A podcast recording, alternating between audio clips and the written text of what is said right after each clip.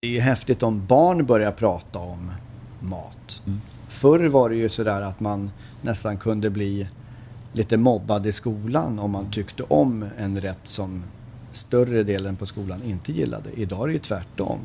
Idag är det ju cool om du vågar äta olika saker och stå för det.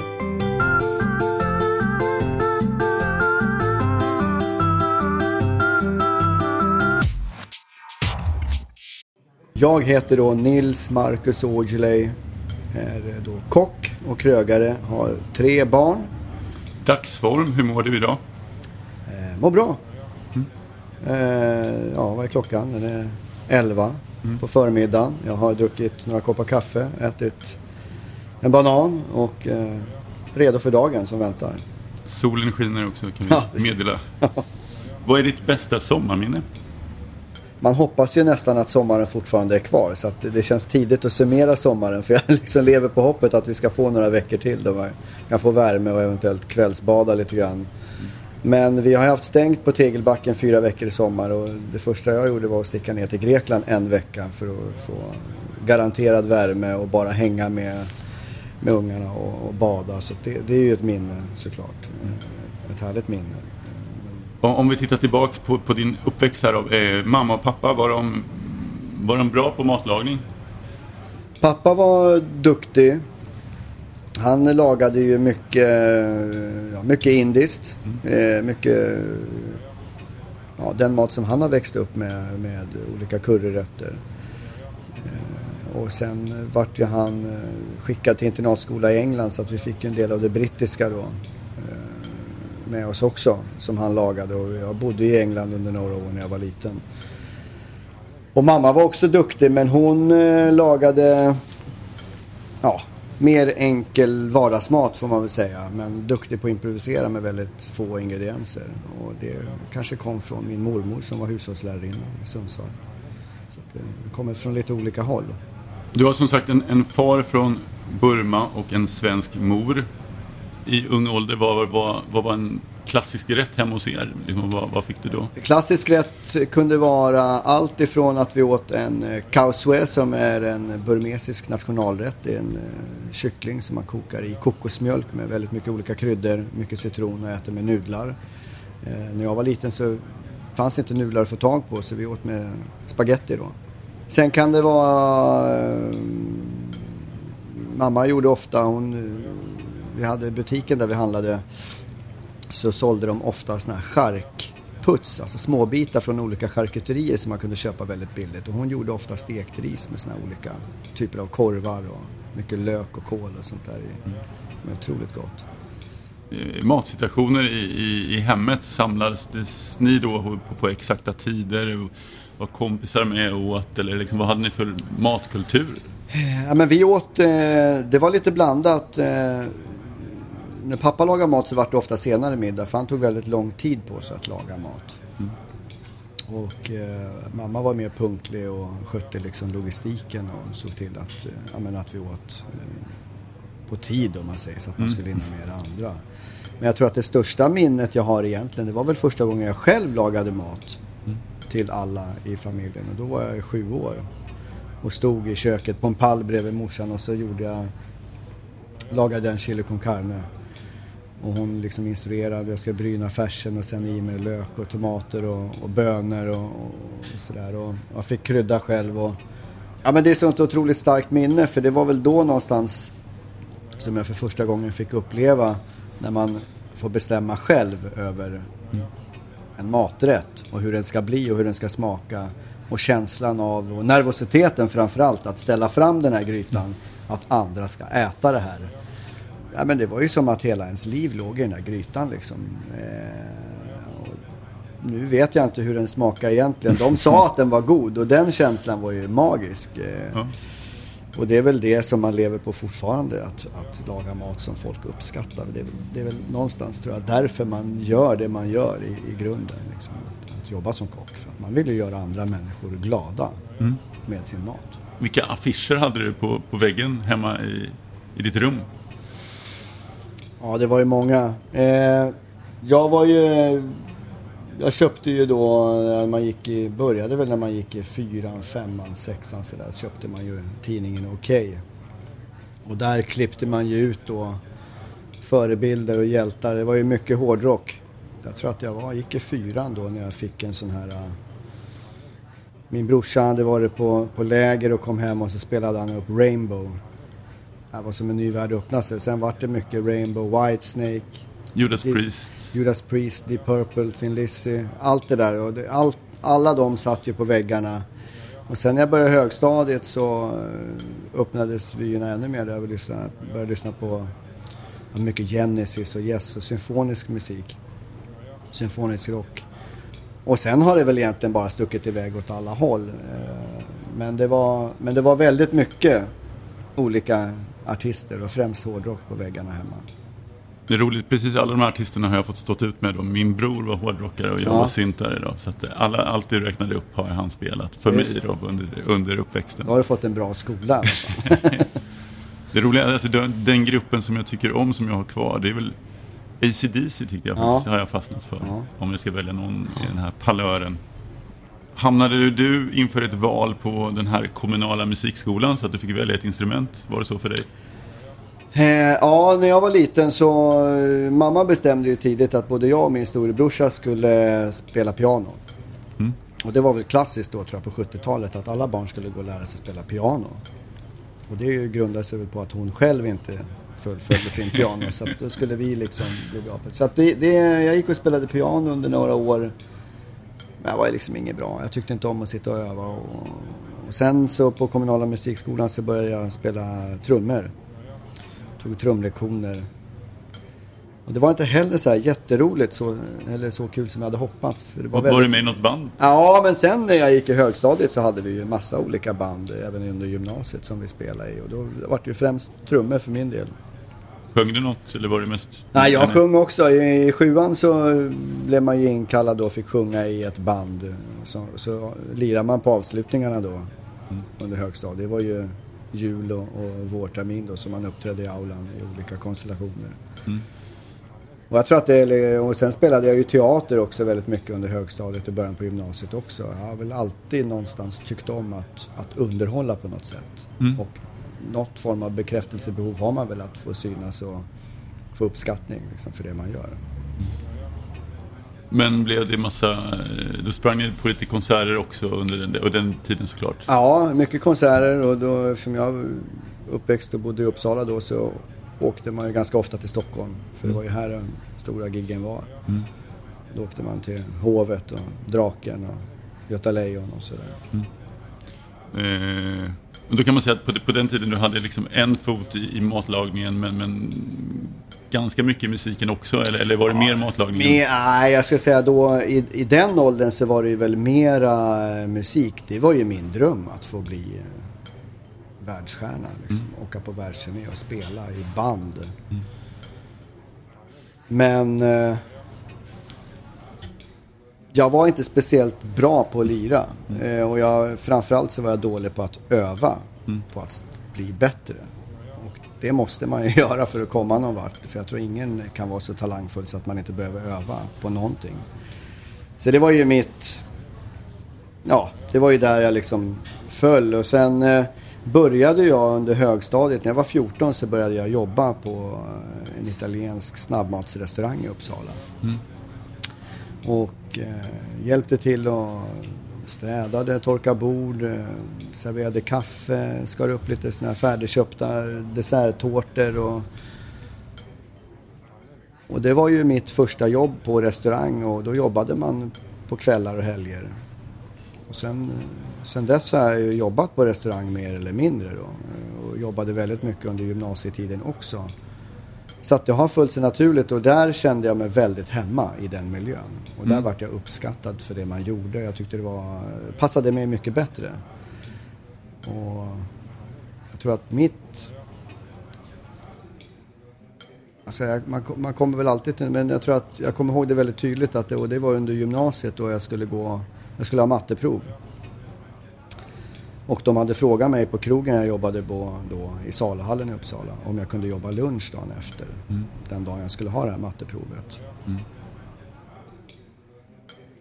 Och då kommer jag ihåg att jag stod där och brottades liksom. Jag hade mammas röst på ena sidan som absolut inte skulle uppskatta om jag skolkade från matteproven. Men jag kände ju väldigt starkt för mina kollegor och ville ju backa upp och trivdes ju och kände att jag hade fått ett förtroende liksom att de frågade. Så jag valde att, eh, att jobba lunch då, skolka från det här matteprovet. Och det var nog liksom vändpunkten någonstans tror jag att där tror jag liksom, om man, i efterhand, att då bestämde jag mig nog för att jag ska nog jobba med det här. Jag vill inte liksom göra någonting annat. Hur är det liksom med dina barn? Du har ju tre barn. Är de matintresserade? Ja, både och skulle jag säga. Eh, de är väl alla kanske intresserade av mat på sitt sätt, men de är väldigt olika. Äldsta sonen är ju Zack är ju talangfull och duktig på att laga mat och har ju en känsla för att ja, han förstår liksom vad det handlar om och hur, att man också kan se ett slutresultat framför sig innan man börjar laga mat. Och det tror jag är viktigt. Men, eh, och de andra är lite, lite blandat, men alla uppskattar väl mat på sitt sätt. Om dina barn får önska mat hemma, vad får du laga? Det kan vara eh, tacos. Eh, står högst på listan hos en av dem. Den andra skulle nog vilja ha pannbiff med potatis, gräddsås och, och lingon. Ja, mer enkel husmanskost. Eller enkel, men, ja. men, men, enklare kanske smaker. Mm. Den tredje då är ganska öppen och skulle uppskatta egentligen det mesta. Som, som du då? Som jag, ja, ja precis. jag återvänder till dig. Det blev ju kockskola. Sen började du jobba på Arlandia hotell. Det ja. var steget efter va? Ja, jag jobbade runt i Uppsala lite grann och sen fick jag jobb ute på Arlandia hotell han som var kökschef där hette Florian Sakardisnev. Som någonstans tror jag såg en, en hunger och lust mm. hos mig. Och han hade tidigare varit en av kökscheferna på Operakällaren. Så han hjälpte mig att få komma till Operakällaren och eh, få provjobba och så fick jag jobb där 94. Mm. Och då flyttade jag till Stockholm och började jobba där då enormt stort att få hamna där. Speciellt 94. Det, du måste vara hur glad som helst. Det var ju superhäftigt och det var ju någonstans där också som jag bestämde mig för att jag verkligen ska satsa på det här yrket. Innan så var det ett jobb jag trivdes med och gillade att laga mat. Men hade väl kanske inte riktigt bestämt att jag skulle göra det så bra och hårt man kunde. Men, eh, och då på den tiden så, det låter ju som att det är länge sedan och det kanske men, Nej men då var ju Operakällaren ett flaggskepp. Det var ju Sveriges stora restaurang som, som alla någonstans hade, kände till. Mm. Och jag hade ju läst mycket böcker av Tore Wretman och Werner Fögele och sånt. Det var ju, det var ju helt enormt att få komma dit och jobba. Det finns ju så mycket man vill prata med dig om och, och nu har jag skrivit upp några punkter så kan vi Aha. se här. Fredsgatan 12, där jobbade med Melker och Mattias. Vi har Vinterviken. 2000 så blev det Årets gröna kock, 2004 Årets kock. Vi har dina kokböcker. Du har gjort dina egna viner, Sveriges Mästerkock, Kockarnas kamp. Det finns massor att prata om. Men jag tänkte så här, vi börjar lite grann med, med Sveriges Mästerkock här. Mm. Eh, för det vet jag att många som lyssnar är väldigt nyfikna. Det är, om jag har räknat rätt här så är det sju år sedan ni startade. Kan det stämma? 2010 start. Ja, det stämmer ju. Vi ska ju nu om några veckor bara dra igång och spela in den åttonde säsongen då, så det stämmer ju bra. Ett starkt minne alltså, av alla de här åren, liksom, eh, vad som helst från, från de här inspelningarna. Liksom, vad, vad... Ja, men jag, jag, man får väl börja nästan från början då, hur jag själv blev uppringd av, av produktionsbolaget som, som gör programmet och producerar programmet. Meter eh, Television som men ringde och frågade om jag ville komma dit på en audition då för att prova som jurymedlem. Jag kommer ihåg att jag åkte dit och jag visste, då visste man, jag visste ingenting om, om Masterchef. Jag hade inte sett det. Det hade visats på TV på någon udda kanal lite grann från Australien och Vissa kände till det men det var inte speciellt stort då. Och så förklarade de läget och sen så kom jag in i ett rum och då skulle jag då, då skulle de ju testa mig hur jag skulle reagera när jag provade en maträtt.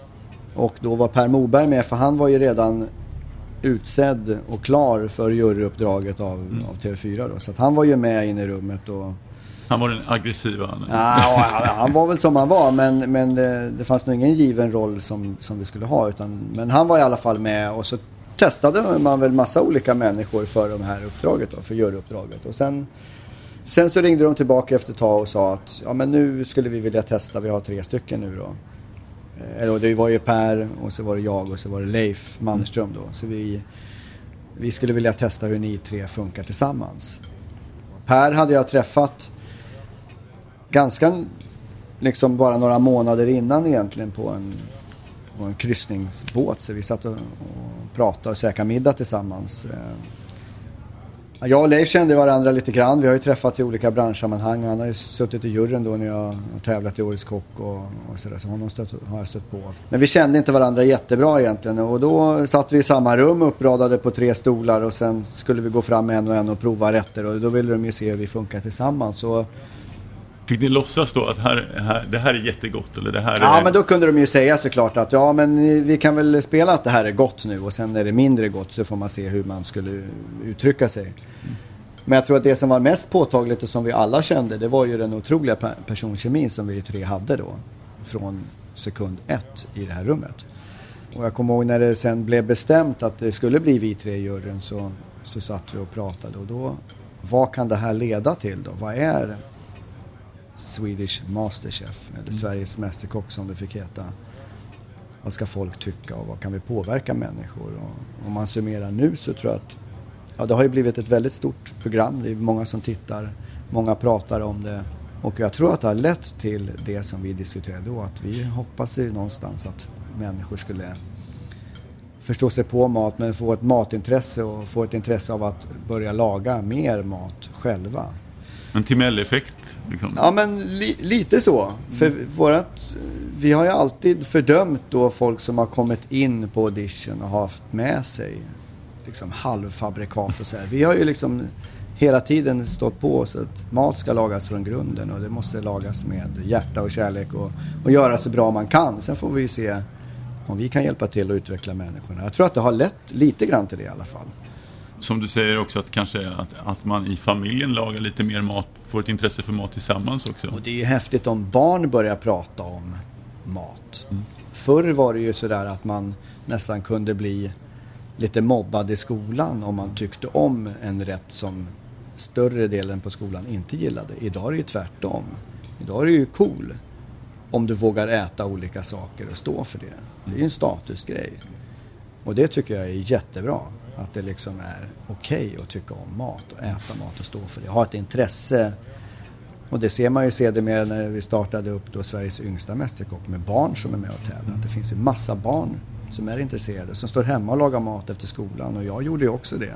Man kokar ju pasta varje dag efter skolan. Smaksatte på olika sätt. Det tycker jag är otroligt häftigt. Man blir ju helt chockad av kunskapsnivån på de där barnen också i, i, i den låga åldern.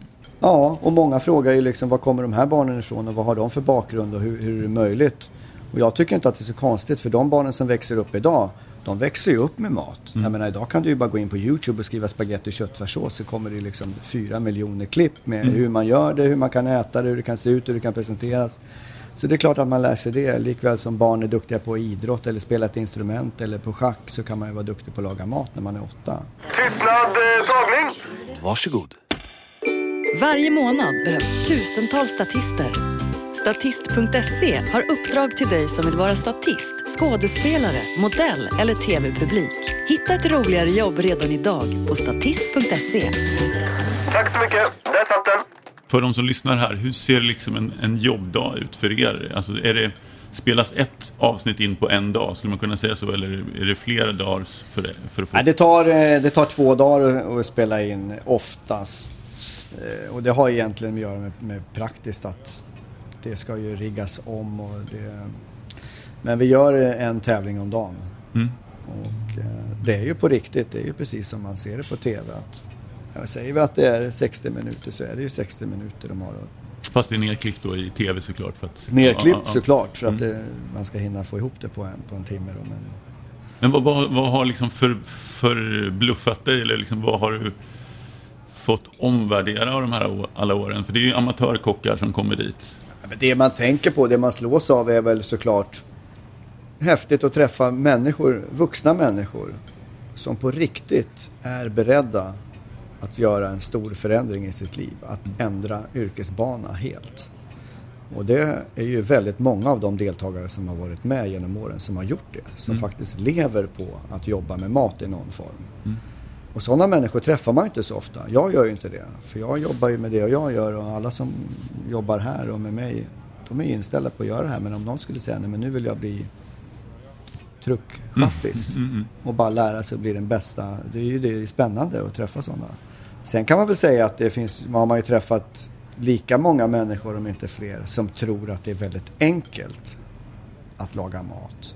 Att bli bra på det och bli känd för det. Vilket det inte är. Precis som jag var inne på tidigare, att det krävs ju att man lagar ganska mycket mat.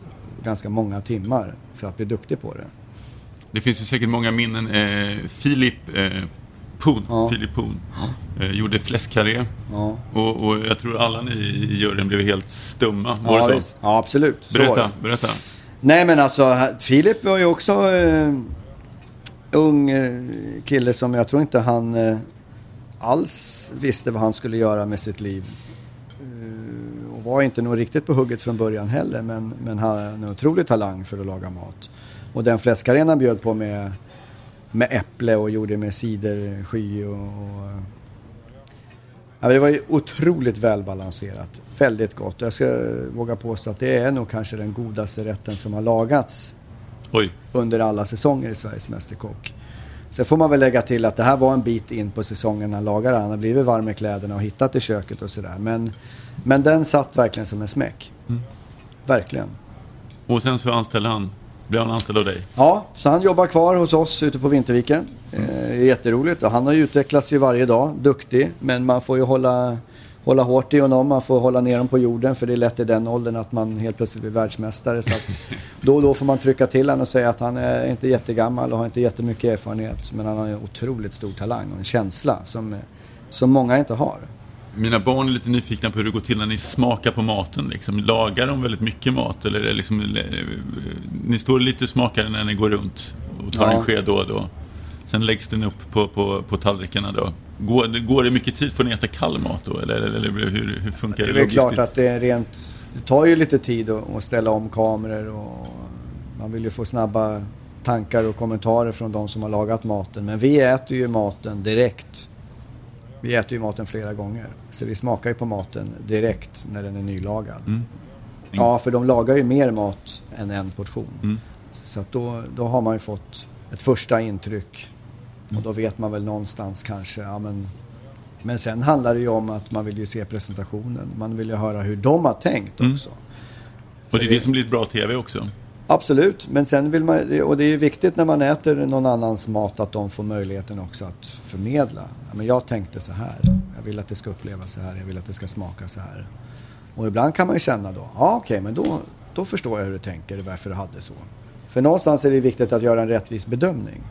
Även om det kanske inte ledde till seger i den här utmaningen så är det ändå viktigt att man ger dem någon form av feedback och säger vad man tycker så att de kan utvecklas och ta till sig någonting. Du och din före detta fru Erika har ju jobbat tillsammans med era krogar, böcker och gör det fortfarande. Ni skildes 2015 men jobbar fortfarande tillsammans. Kan du förklara roll, rollfördelningen där? Du lagar maten, det är jag ganska säker på. Ja, det gör jag. Vem gör vad? Eh, ja, men vi, kompletterar varandra, vi kompletterar varandra bra. Eh, hon är ju mer fokuserad och jobbar ju mer med Vinterviken. Mm. Eller har, lägger allt fokus där. Och jag lägger allt mitt fokus på Tegelbacken och Fjällpubben.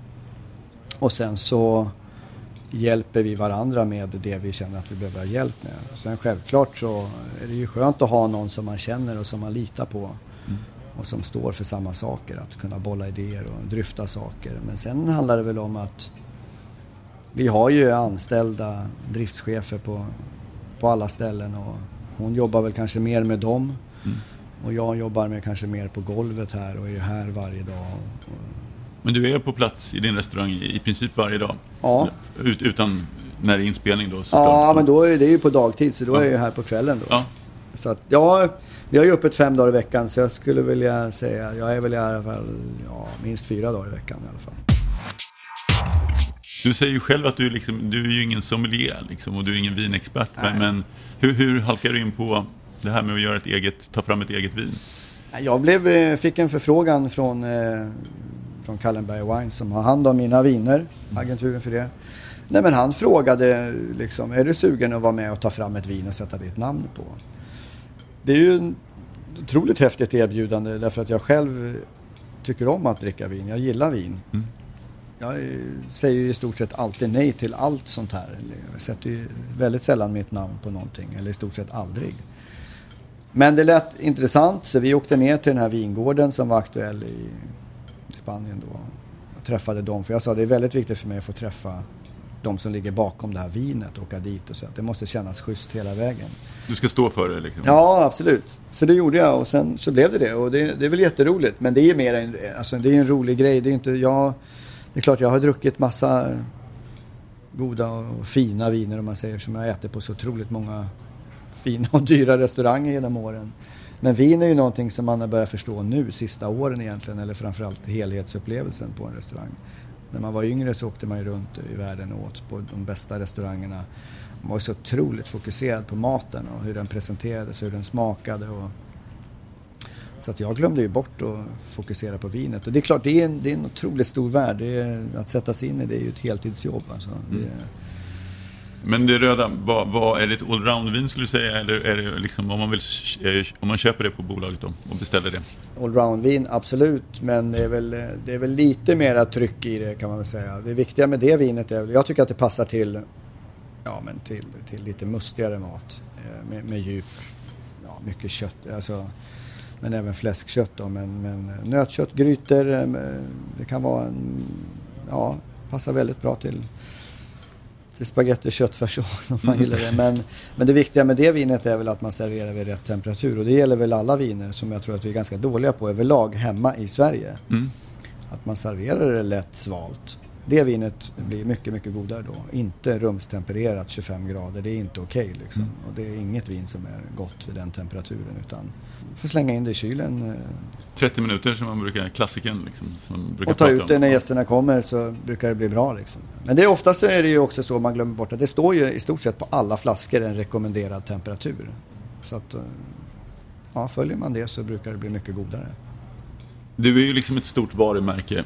Får du många erbjudanden om liksom olika projekt och du ska vara med på det här och hitta på det här och resa dit? Är det så? Det går lite i perioder. Eh, men det är klart att man får erbjudanden. Men, och det är ju smickrande såklart. Mm.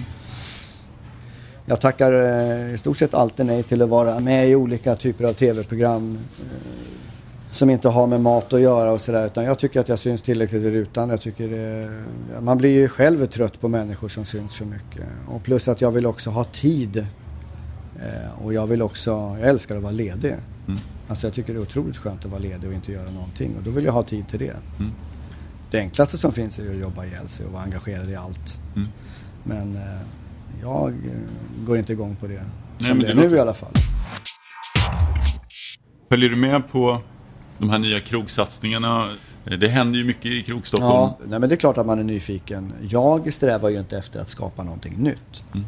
Jag skapar ju, eller strävar efter bara att göra en, en restaurang där vi själva trivs på men att gästerna ska trivas och servera god enkel mat. Jag följer inga trender, jag tycker det är helt ointressant för min del. Mm. Och vad som är häftigt eller inte. Eller, och det kan ju vara allt från inredning till råvaror som folk pratar om. Men jag gör det som jag brinner för och känner för och det tror jag funkar i längden. Men sen är det ju häftigt med nya ställen som vågar liksom ta ut svängarna åt olika håll och göra saker. Jag älskar ju att gå och äta själv och dricka Mm. på krogen. Så att, men det, sen jobbar man ju som man gör så att man har inte jättemycket tid. Men när jag har tid så går jag mer än gärna ut. Har du någon, någon krog så som du tycker är lite extra spännande av de här nya som, som du kanske inte har hunnit besöka eller som du gärna vill ha lite koll på? Jag har bokat bord på, eh, på Franzén. Mm. Eh, Nya. Nya öppning. Franzén som öppnar och det ska ju, jag har ju varit och ätit där för många år sedan då när de hade i Gamla stan. Men det ska bli väldigt spännande att se hur den satsningen är eller hur det är. Jag har aldrig ätit på en restaurang där man ska förflytta sig olika plan som de beskriver att de ska göra. Och, ja, men det ska bli väldigt spännande att se för att de är ju otroligt duktiga på det de gör. Mm. Och de har ju själva varit väldigt tydliga med att nu ska de ju ta nästa steg. Och det ska bli spännande att se hur, hur man gör det. Många stjärnor ska trilla in. Ja, jag lägger ingen värdering i det. Det viktigaste för mig är bara att det blir en, en trevlig kväll och att maten är god. Mm. Jag ser det inte som att nu ska jag gå dit och bedöma eller se om det, om det är på någon viss nivå utan bara liksom. Men det ska bli kul att se för att när folk engagerar sig och satsar och lägger in så mycket så vill man ju gärna uppleva det och se. Kockar, alltså det finns ju så många. Ekstedt, Moberg har vi pratat om, Myllymäki, Dahlgren, Franzén. Eh, jag förstår att det är omöjligt för dig att säga vilken kock du har mest respekt för, men, men eh, är det någon som du tycker är liksom lite intressant just nu? Liksom? Har du... Ja, men jag vet inte om jag... Ja, jag, jag, mig, mig personligen, ja, men det, det, alla de som du har nämnt är ju, är ju otroligt duktiga. Jag vet inte om det finns någon som är mer intressant än någon annan. Jag bara gillar ju att det finns massa dedikerade, engagerade människor i våran bransch som, som kör på. Mm. Det tycker jag är häftigt. Mm. Att öppna restauranger som, där det finns människor som, som engagerar sig och satsar fullt ut. Sen finns det ju några som har betytt väldigt mycket för mig personligen. Som, som har, ja men det är väl först och främst Werner Fögeli som har betytt enormt mycket. Mm. Att få lära känna och jobba med en sån människa i den åldern jag var i har ju varit otroligt lärorikt. Och, jag förklarar lite, alltså de som lyssnar här, de, de eh, var ju inte födda. var de inte födda då? Alltså. Jo, det var de. Men, men eh, bakgrundshistorien där finns ju inte. Han är ju som en ikon för er. Eller? Ja, absolut. Eh, Tore Wretman, som kanske många har hört talas om, men var ju en otroligt eh, stor restaurangman och krögare på sin tid. Och när han skulle nyöppna Operakällaren då, 61 var det mm. väl, så eh, knöt han till sig Werner Fögeli som då den stora kökschefen som, eh, som då hade jobbat på Grand Hotel innan. Men skickade ut honom och praktiserade på massa bra krogar i Europa. Och han var ju, eller de två tillsammans var ju de som lyckades lyfta den svenska husmanskosten till nya nivåer och få den liksom serverad i finrummet. Och verkligen eh, lyfte det. Och Werner var ju den som faktiskt stod i köket och lagade den här maten. Mm. Och, med influenser från andra länder? Absolut, både svensk och internationell husmanskost. Och det jag uppskattade med honom när jag kom då, jag var ju starstruck. Jag kommer aldrig glömma första gången jag kom till Operakällaren och skulle provjobba. Man går personalingången från Strömgatan in. Man anmäler sig i en liten hytt där och, och, och det första personen jag ser där inne är Werner Fögel som kommer gående som skulle ta hissen upp till festvåningen då. Jag varit helt skakig liksom. Jag tänkte, shit alltså människan finns på riktigt. Han står där i kockkläder, i sin kockmössa. Stolt liksom. Jag var helt eh, tagen av det. Men, men sen när man jobbade där och lärde känna honom så fanns det en sån enorm ödmjukhet hos honom. Mm. Som jag har tagit till mig och kände bara att det är helt otroligt. Och, och mycket kunskap och det är svårt att välja tillfällen, liksom specifika tillfällen, men så mycket som man har lärt den och om allt egentligen, om hur den här branschen funkar och hur man kan bete sig, hur man ska vara mot andra människor och sådär. Det är klart att man inte alltid har följt det, men, men det har satt sina spår och han har betytt jättemycket för mig. Och sen eh, var det ju då, och där lärde man sig ju mycket av husmanskosten, klassisk matlagning, men sen finns det ju andra, jag menar som Melker till exempel, det tycker jag är... Ja, både Melker och Daniel som jag jobbade med då på Fredsgatan valde ju helt nya vägar. De var ju liksom, fanns ju inga regler alls. De körde ju precis hur som helst. Det viktigaste var ju att slutresultatet blev bra. Det var de som byggde på höjden va? Det var det som blev Ja, det började de väl med. Det var väl... Eh, ja. Ja, men de lagade mat på ett nytt sätt. På ett helt fritt sätt. Mm. Eh, som, som också var väldigt lärorikt. Och sen tror jag att som de flesta kockar, och som jag uppmanar alla yngre kockar att göra, att, att jobba runt på olika ställen men ge varje ställe en ärlig chans och var inte för kort på varje ställe heller utan sug in, lär sig saker och man ska lära sig så mycket som möjligt och sen så skapar man ju sin egen bild av vad man själv gillar och det ofta blir ju en mix av allt man har upplevt. Kockarnas kamp, ska vi säga någonting? Vi har pratat så mycket eh, ja. om det, men Kockarnas kamp, ja. vad, vad, vi vill säga. det är ju väldigt kul att titta på och såsduellen har ju blivit en klassiker. Liksom. Mm. Ja, men det, är väl, det, är ju, det är ju en jätterolig upplevelse och det är klart att man får väl ta det med en nypa salt. Det är klart att alla kockar som kommer dit och tävlar och sådär. Man, man kommer in i det här tävlingsmodet och man blir ju, man vill ju liksom inte åka ut utan man vill ju vinna på något sätt. Men eh, samtidigt så måste man ju ha distans till det. Det är ju liksom saker som man gör i det formatet eh, där och då är ju saker som man kanske jobbar med dagligen men man gör ju inte det på tid. Eh, utan i köket handlar det om att göra saker väldigt noggrant och väldigt bra. Mm. Och såklart ganska fort eftersom tid är pengar någonstans. Men, men det får ju aldrig vara bekostnad av, av resultatet Kvalitet. eller kvaliteten. Men sen är väl det stora som man minns och tar med sig, det är väl umgänget. Tiden då man inte tävlar utan bara hänger och umgås. Det är ju lite vuxenkoll och sådär. Det är ju få förunnat att få åka iväg och bli bortskämd av hela produktionen som servar en med, eh, fyller upp kylen med eh, allt du vill ha? Liksom. Allt man kan tänkas vilja ha och bara få vara där och hänga och inte behöva bry sig om någonting annat. Det är ju superlyxigt. Mm. Jätte, jätteroligt. Så jag ångrar inte ett dugg att jag var med. Mm. Årets kock måste ju varit... Eh, det var ju länge sedan nu.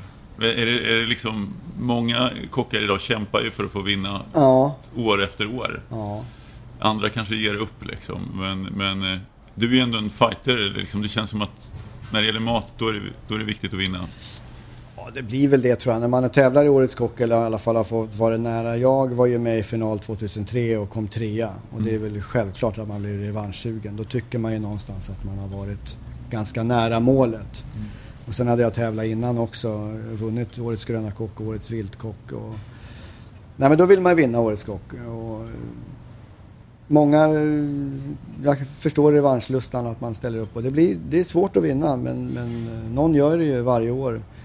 Samtidigt så vill jag poängtera också att Årets Kock är en otroligt stor och viktig och bra tävling.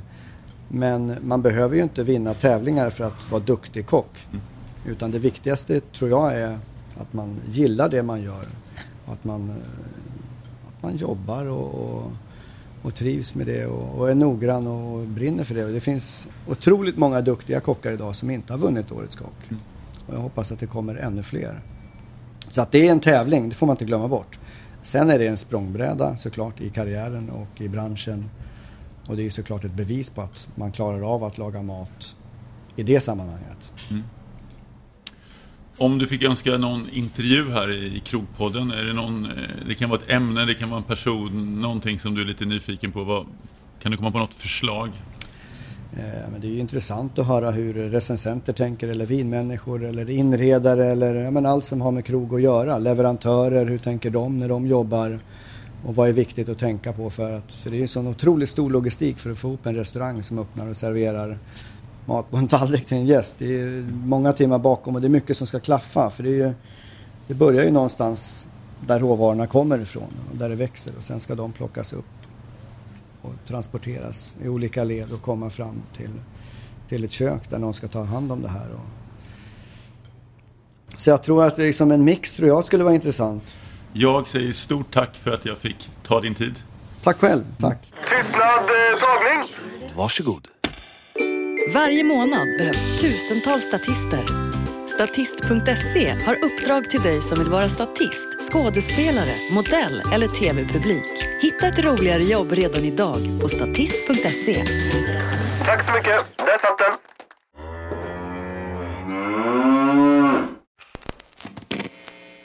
Podcasten produceras i samarbete med Poddbyrån.